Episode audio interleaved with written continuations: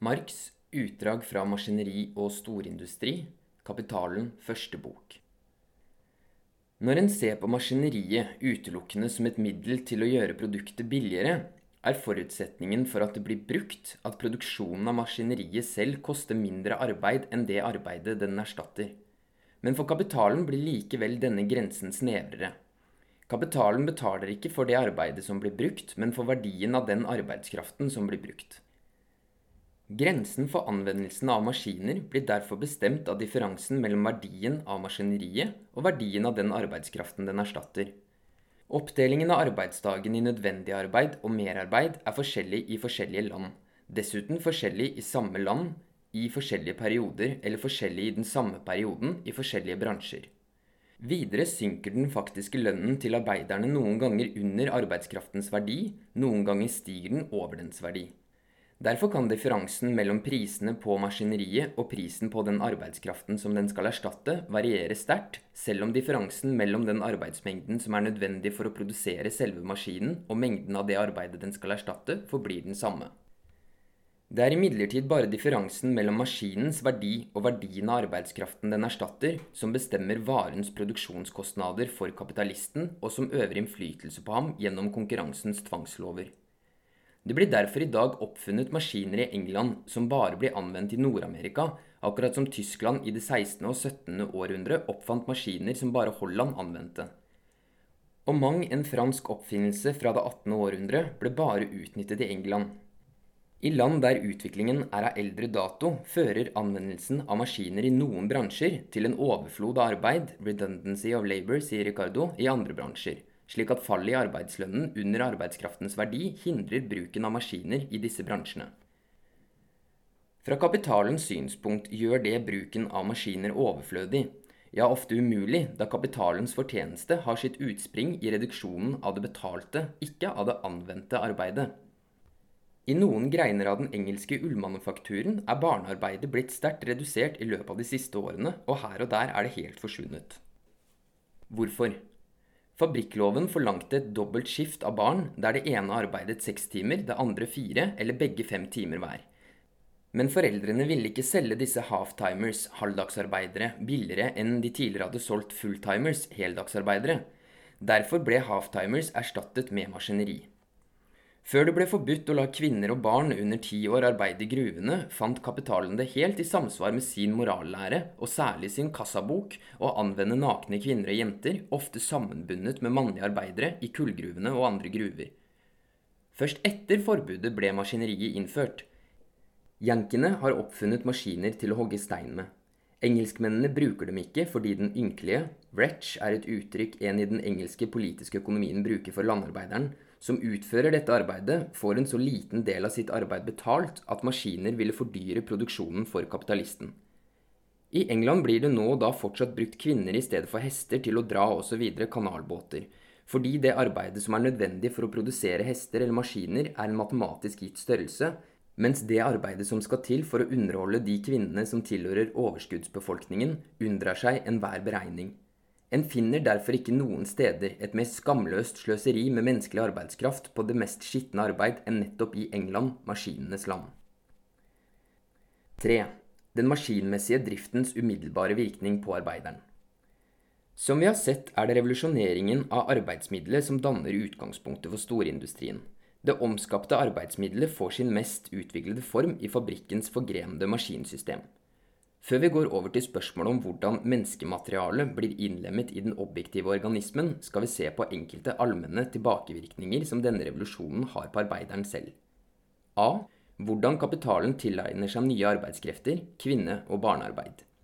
I den utstrekning maskineriet gjør muskelkraft overflødig, blir det et middel til å anvende arbeidere uten større muskelkraft, eller arbeidere som er mindre fysisk utviklet, men med mer smidige lemmer. Kvinne- og barnearbeid blir derfor den første parolen ved kapitalistisk anvendelse av maskiner. Dette veldige middelet til å erstatte arbeid og arbeidere forvandlet seg dermed straks til et middel til å øke antallet lønnsarbeidere, til å legge alle medlemmene av arbeiderfamilien under kapitalens umiddelbare herredømme uten hensyn til kjønn og alder. Tvangsarbeidet for kapitalisten erobret ikke bare barnelekens plass, men også det frie arbeidet i hjemmets krets, som etter sed og skikk ble utført for familiens eget behov. Verdien på arbeidskraften blir bestemt ikke bare ut fra den arbeidstiden som er nødvendig for å underholde den enkelte voksne arbeideren, men ut fra den arbeidstiden som er nødvendig for å underholde hele arbeiderfamilien. Ved at maskineriet kaster alle medlemmene av arbeiderfamilien ut på arbeidsmarkedet, fordeler det verdien av mannens arbeidskraft på hele hans familie. Det reduserer dermed verdien av arbeidskraften hans. Det å kjøpe en familie som er stykket opp i fire arbeidskrefter, koster kanskje mer enn det tidligere kostet å kjøpe arbeidskraften til familieoverhodet, men til gjengjeld blir det nå fire arbeidsdager i stedet for én. Prisen på arbeidskraften synker derfor i samme forhold som de fires merarbeid overskrider den enes merarbeid. Fire personer må nå levere ikke bare arbeid, men merarbeid til kapitalen for at en familie skal kunne leve. På den måten utvider maskineriet fra begynnelsen av det menneskelige utbyttingsmaterialet, det egentlige området for kapitalens utbytting, og samtidig med det utbyttingsgraden. Maskineriet revolusjonerer også fra grunnen av den formelle formidlingen av kapitalforholdet, kontrakten mellom arbeider og kapitalist. Den første forutsetningen for dette varebyttet var at kapitalist og arbeider kom i kontakt med hverandre som frie personer, som uavhengige vareeiere, den ene som eier av penger og produksjonsmidler, den andre som eier av arbeidskraft. Men nå kjøper kapitalen umyndig eller bare delvis myndig arbeidskraft. Arbeideren solgte tidligere sin egen arbeidskraft, som han disponerte over som en formelt fri person. Nå selger han kone og barn. Han blir til slavehandler. Etterspørselen etter barnearbeid ligner ofte også i formen etterspørselen etter negerslaver, slik en kunne lese det i amerikanske aviser. Sitat. Jeg ble oppmerksom, sier f.eks. en engelsk fabrikkinspektør, på en annonse i lokalavisa i en av de viktigste manufakturbyene i mitt distrikt. Følgende er et sitat fra denne annonsen. Trenger 12-20 gutter, ikke yngre enn at de kan gå for å være 13 år. Lønn 4 skilling per uke, henvendelse osv. Sitat slutt. Uttrykket kan gå for å være 13 år sikter til fabrikklovens bestemmelse om at barn under 13 år ikke får arbeide mer enn seks timer dagen. En autorisert lege, certifying surgeon, må bekrefte alderen. Fabrikanten forlanger altså gutter som ser ut som de allerede var 13 år. Den engelske statistikken for de siste 20 årene viser på en overraskende måte at antallet barn under 13 år som arbeider i fabrikkene, har sunket kraftig i flere omganger.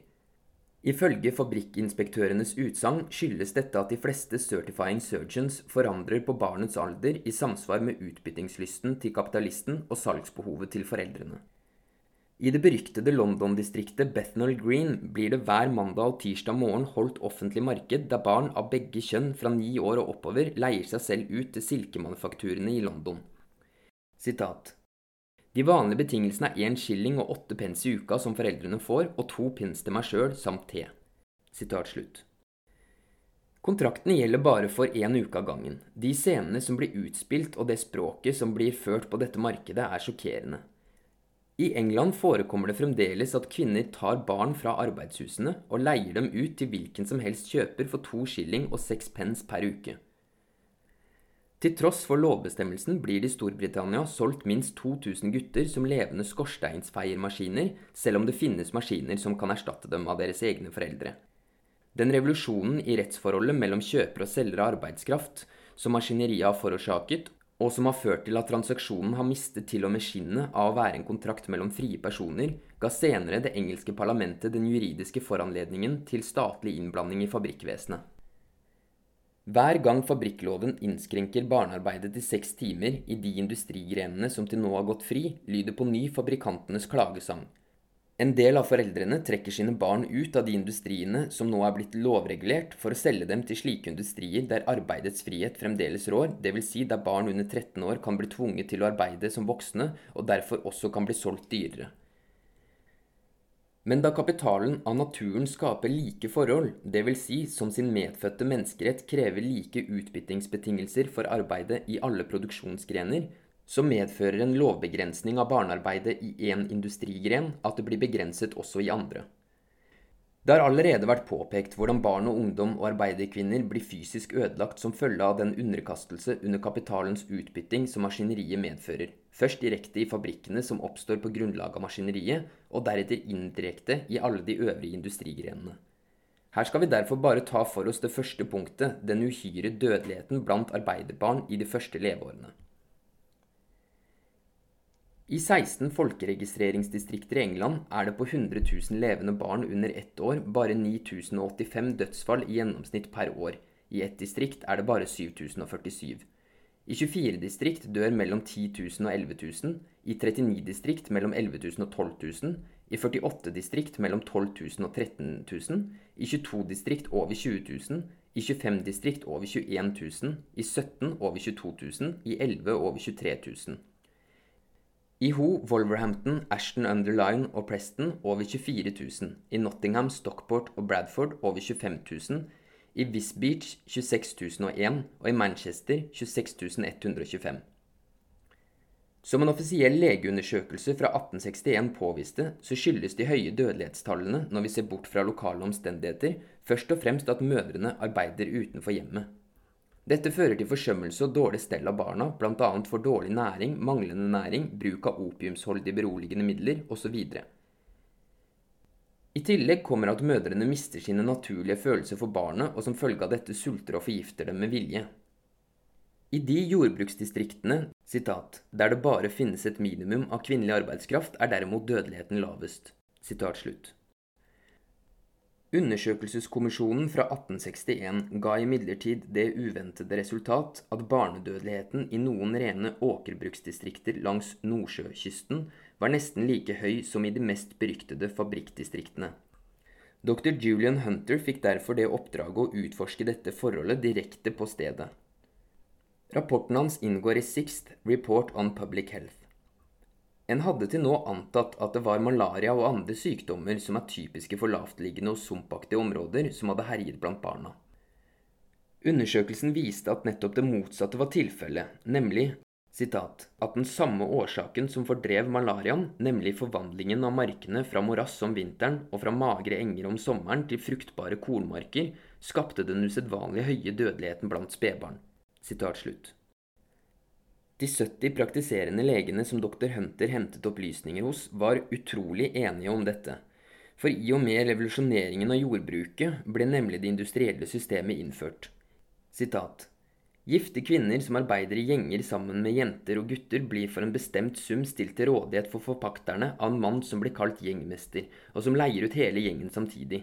Disse gjengene vandrer ofte mange miles fra sine landsbyer. Morgen og kveld kan en møte dem på landeveiene. Kvinner er kledd i korte skjørt og jakker og støvler som passer til. Noen ganger går de i bukser. De ser sunne og kraftige ut, men er fordervet gjennom en vanemessig lav moral og bekymrer seg ikke for de skjebnesvangre følgene som deres forkjærlighet for denne ustadige og uavhengige livsformen medfører for deres avkom som forkommer der hjemme. Sitat slutt. Alle fenomenene fra fabrikkdistriktene gjentar seg her. Skjulte barnemord og behandling av barn med opiumsholdige stoffer forekommer i enda høyere grad. Dr. Simon, som er legemvitenskapelig embetsmann for det engelske Private Council og sjefredaktør for rapporten om Public Health, sier sitat, den dype avskyen jeg nærer for enhver form for mer omfattende sysselsetting av voksne kvinner i industrien, skyldes mitt kjennskap til skadevirkningene. Sitat slutt. Fabrikkinspektør R. Baker utbryter i en offisiell rapport Sitat, det ville bety en sann lykke for manufakturindustriene i England om alle gifte kvinner med familie fikk forbud mot overhodet å arbeide i en fabrikk. Sitat slutt. Det moralske forfallet som den kapitalistiske utbyttingen av kvinne- og barnearbeid fører med seg, er så uttømmende fremstilt av Fredrich Engels i hans Lage det arbeidende klasse Englands og av andre forfattere at jeg her bare vil minne om dette. En må nøye skille mellom den primitive uvitenheten, som lar forstanden ligge brakk, men uten å skade dens utviklingsmuligheter og naturlige fruktbarhet på den ene siden, og den intellektuelle ødeleggelsen som blir frembrakt kunstig gjennom å forvandle umodne mennesker til rene maskiner til fabrikasjon av merverdi på den andre. Dette siste forholdet tvang til og med det engelske parlamentet til å lovfeste elementærundervisning som forutsetning for produktiv anvendelse av barn under 14 år i de industriene som var omfattet av fabrikkloven. Den kapitalistiske produksjonens ånd lyste tydelig ut av den lettferdige redigeringen av de såkalte utdanningsklausulene i fabrikkloven. Den viste seg i mangelen på administrasjon, som i det store og hele gjorde denne tvangsundervisningen illusorisk, og den viste seg i fabrikantenes opposisjon mot loven og deres knep og triks for å omgå den. Sitat. Det er utelukkende de lovgivende myndighetene som må klandres da de har vedtatt en illusorisk lov. Tilsynelatende sørger den for at barn skal bli utdannet, men samtidig inneholder den ikke en eneste bestemmelse som kunne sikre at denne hensikten også ble oppnådd. Loven bestemmer ingenting annet enn at barna skal stenges inne bak fire vegger et bestemt antall timer per dag på et sted en kaller skole, og den som sysselsetter barna skal hver uke motta et bevis på dette, underskrevet av en person som kaller seg lærer eller lærerinne. Før den reviderte fabrikkloven ble utstedt i 1844, var det ikke uvanlig at læreren eller lærerinnen hadde undertegnet skolebevisene med et kryss ettersom vedkommende selv ikke var skrivekyndig. Sitat. Ved et besøk som jeg foretok i en slik skole som utstedte skolebevis, ble jeg så slått av lærernes uvitenhet at jeg sa til ham, Unnskyld, min herre, kan De lese? Han svarte, Ja, lite grann. For å rettferdiggjøre seg sa han, Jeg ligger i hvert fall foran elevene mine. Slutt. Under forberedelsen av loven fra 1844 unnlot ikke fabrikkinspektørene å fordømme den elendige tilstanden på de stedene som ble kalt skoler, og som de etter loven måtte godkjenne skolebevisene fra. Alt hva de lyktes å drive igjennom, var at fra 1844 skulle opplysningene i skolebeviset være utfylt med skolelærerens håndskrift og hans for- og etternavn undertegnet av ham selv. Sir John Kinsed, fabrikkinspektør for Skottland, kan fortelle om lignende erfaringer i tjenesten. Sitat. Den første skolen vi besøkte ble drevet av en Miss Ann Killin. Da jeg oppfordret henne til å stave navnet sitt, gjorde hun straks en feil idet hun begynte med bokstaven C. Men hun korrigerte seg selv med det samme og sa at navnet begynte med K. Men da jeg så underskriftene hennes i skolebevisene, la jeg merke til at hun hadde skrevet navnet sitt forskjellig. Heller ikke håndskriften etterlot noen tvil om hennes manglende evne til å undervise.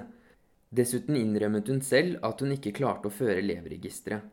I en annen skole fant jeg at skoleværelset var 15 fot langt og 10 fot bredt, og i dette rommet telte jeg 75 barn som skrek noe helt uforståelig. Sitat slutt. Sitat. Men det er ikke bare på slike elendige steder at barna får skolebevis uten å få undervisning. I mange skoler der lærerne er kompetente, strander anstrengelsene nesten fullstendig pga. det forvirrende mylderet av barn i alle aldre fra tre år og oppover. Hans inntekter, som i beste fall er elendige, avhenger helt av de ekstra småpengene han kan skaffe seg gjennom å stappe flest mulig barn sammen i ett rom. I tillegg kommer den sparsomme møbleringen, mangelen på bøker og annet undervisningsmateriell, samt den trykkende virkningen som den innestengte og kvalmende luften har på de stakkars barna. Jeg var i mange slike skoler og så lange rekker av barn som ikke gjorde noen ting. Og dette blir attestert som skolegang, og slike barn figurerer i den offisielle statistikken som utdannede. I Skottland forsøker fabrikantene i det lengste å stenge ute barn som er skolepliktige. Sitat, Dette er tilstrekkelig til å bevise den store uviljen som fabrikantene selv føler overfor undervisningslovene. Sitat slutt. På en måte som både er grotesk og forferdende, viser dette seg i katuntrykkeriene som er underlagt en egen fabrikklov. Etter lovens bestemmelser sitat, må ethvert barn før du blir ansatt i et slikt trykkeri, ha gått på skole i minst 30 dager og ikke mindre enn 150 timer i løpet av de siste seks månedene før ansettelsen. Mens barna arbeider i trykkeriet, må du også gå på skole i 30 dager og 150 timer i løpet av hver seksmånedersperiode.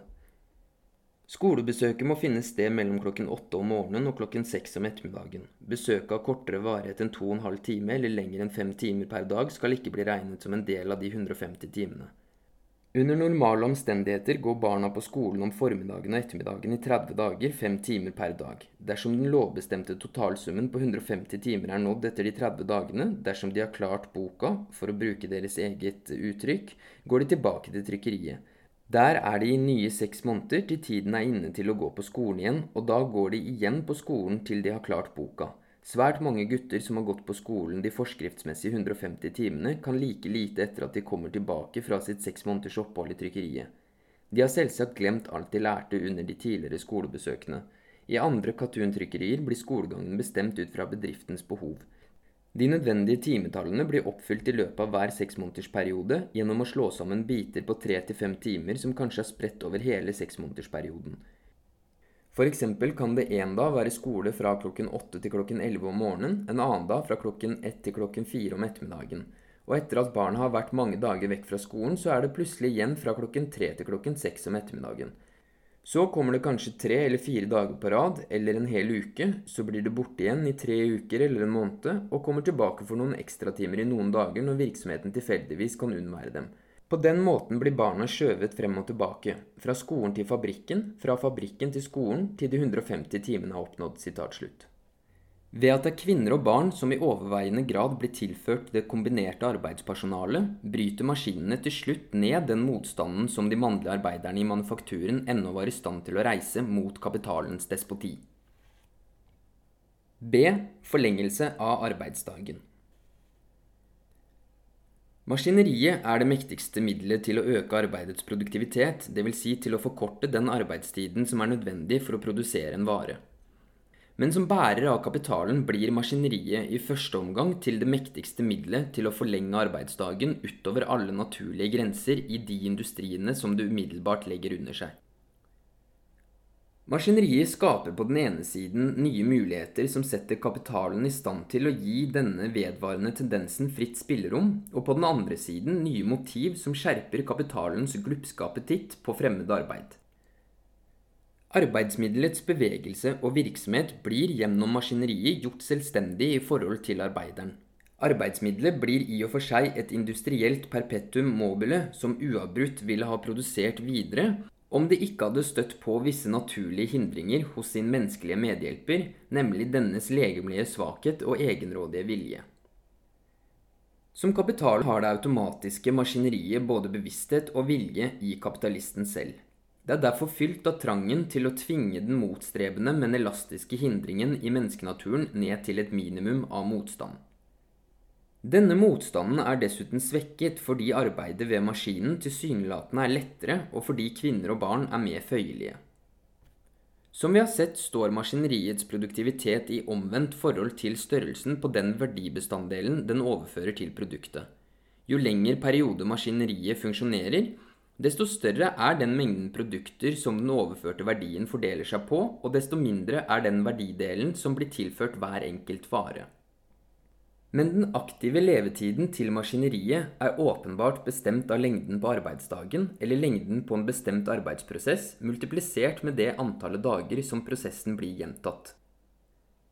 Maskinslitasjen tilsvarer slett ikke matematisk nøyaktig den tiden maskinen blir brukt, og selv om det hadde vært tilfellet, så omfatter en maskin som er i drift 16 timer daglig i 7,5 år, en like lang produksjonsperiode og tilfører totalproduktet like mye verdi som om den samme maskinen hadde vært i drift 8 timer daglig i 15 år.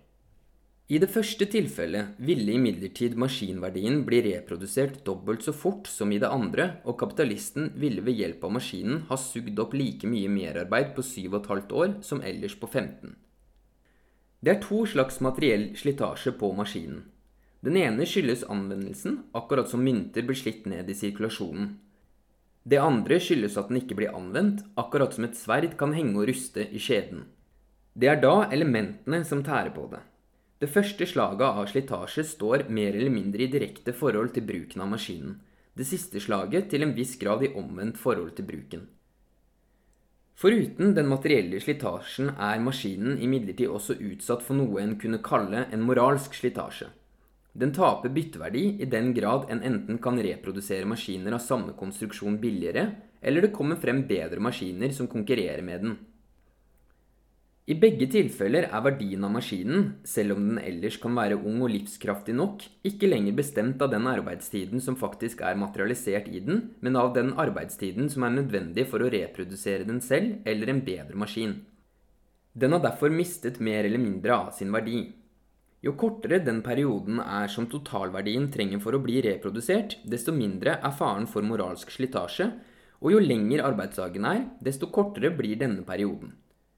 Etter at maskineriet først er blitt innført i en eller annen produksjonsgren, følger nye metoder slag i slag som gjør det mulig å produsere billigere enn før, og det blir innført forbedringer som ikke bare gjelder enkelte deler eller apparater, men maskinkonstruksjonen som helhet. I dens første livsperiode virker derfor dette spesielle motivet til å forlenge arbeidsdagen mest akutt.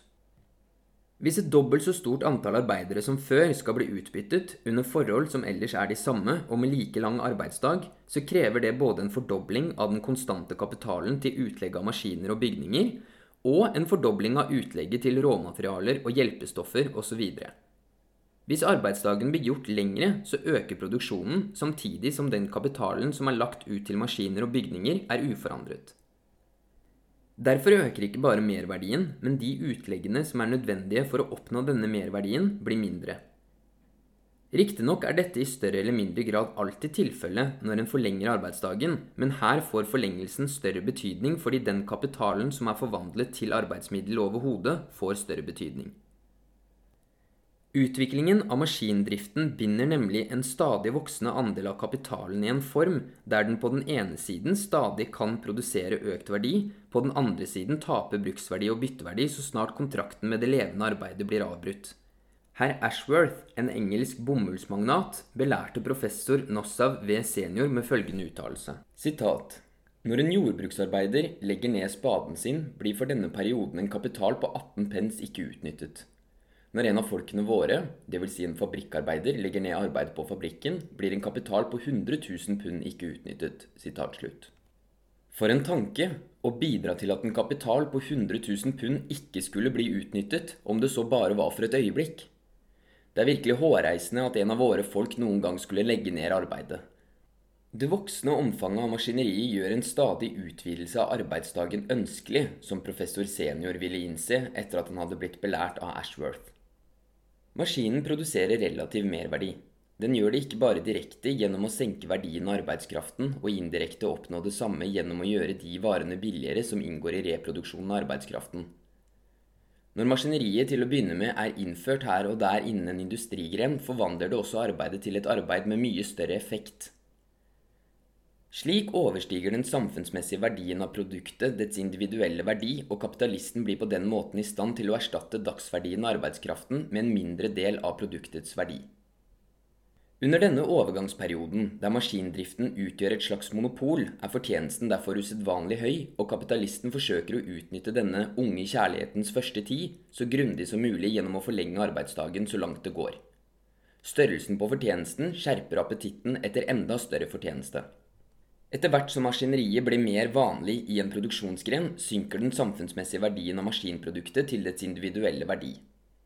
Den loven begynner å virke som sier at merverdien ikke har sitt utspring i de arbeidskreftene som kapitalisten har erstattet med maskiner, men omvendt av de arbeidskreftene som han lar arbeide ved maskinen.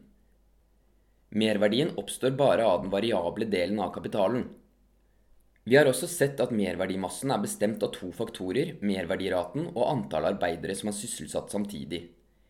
Hvis lengden på arbeidsdagen er gitt, blir merverdiraten bestemt av det forholdet mellom nødvendig arbeid og merarbeid som arbeidsdagen er inndelt i. Det antall arbeidere som er sysselsatt samtidig, er på sin side bestemt av forholdet mellom den variable og den konstante delen av kapitalen. Uansett hvordan maskindriften gjennom å øke arbeidets produktivkraft klarer å utvide merarbeidet på bekostning av det nødvendige arbeidet, så er det klart at dette bare kan bli oppnådd ved at det antall arbeidere som er sysselsatt av en gitt kapital, blir redusert.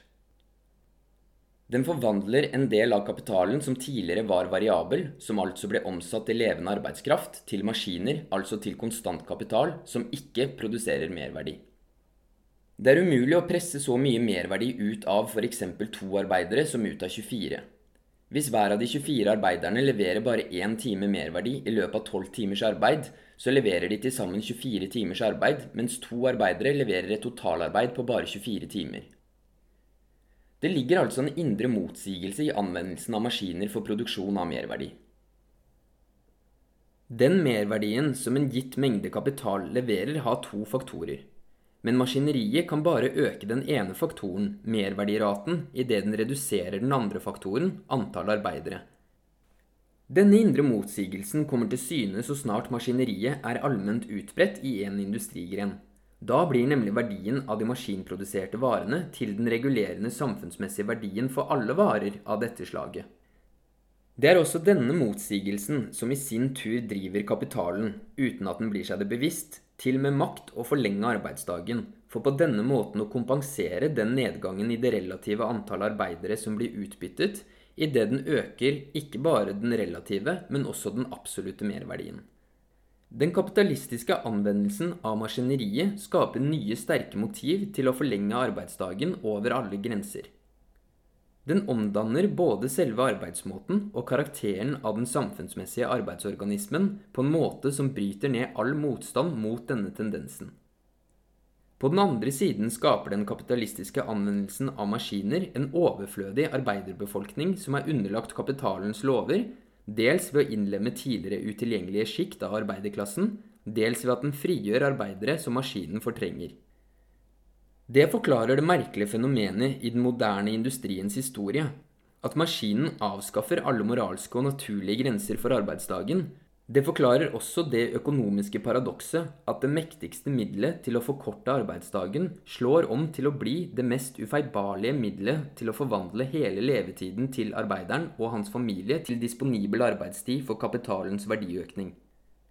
Aristoteles, den største tenkeren i antikken, drømte sitat, hvis hvert verktøy kunne utføre sitt verk etter ordre eller etter en forutdannelse, slik kunstverket til Daidalos beveger seg av seg selv, eller treføttene til Hefaistos av egen drift kunne gå til sitt hellige arbeid, om skyttelen på det viset kunne veve av seg selv, da trengte ikke mesteren noen svenn, og herren trengte ingen slave. Og Antipatros, en gresk dikter fra Ciceros tid, hilste oppfinnelsen av vannmølla til å male korn, denne elementærformen for alt produktivt maskineri, som frigjører av slavinnene og som skaperen av den gylne tidsalder. Sitat. Ja, de hedningene, de hedningene. Sitat slutt. Som den skarpe Bastiat og før ham den enda klokere McCulloch har oppdaget, så forsto de ingenting av politisk økonomi og kristendom. De forsto f.eks. For ikke at maskinene er det mest egnede middelet til å forlenge arbeidsdagen. De unnskyldte vel kanskje det ene menneskets slaveri som et middel for at den annen kunne nå sin fulle utvikling som menneske. Men de manglet de særskilte kristne kvalitetene som er nødvendige for å preke slaveri for massene, for å gjøre noen rå og halvdannede oppkomlinger til eminent spinners, fremstående spinnere, extensive sausage makers, betydelige pølsemakere, og influential shoe black dealers, innflytelsesrike skosverteforhandlere.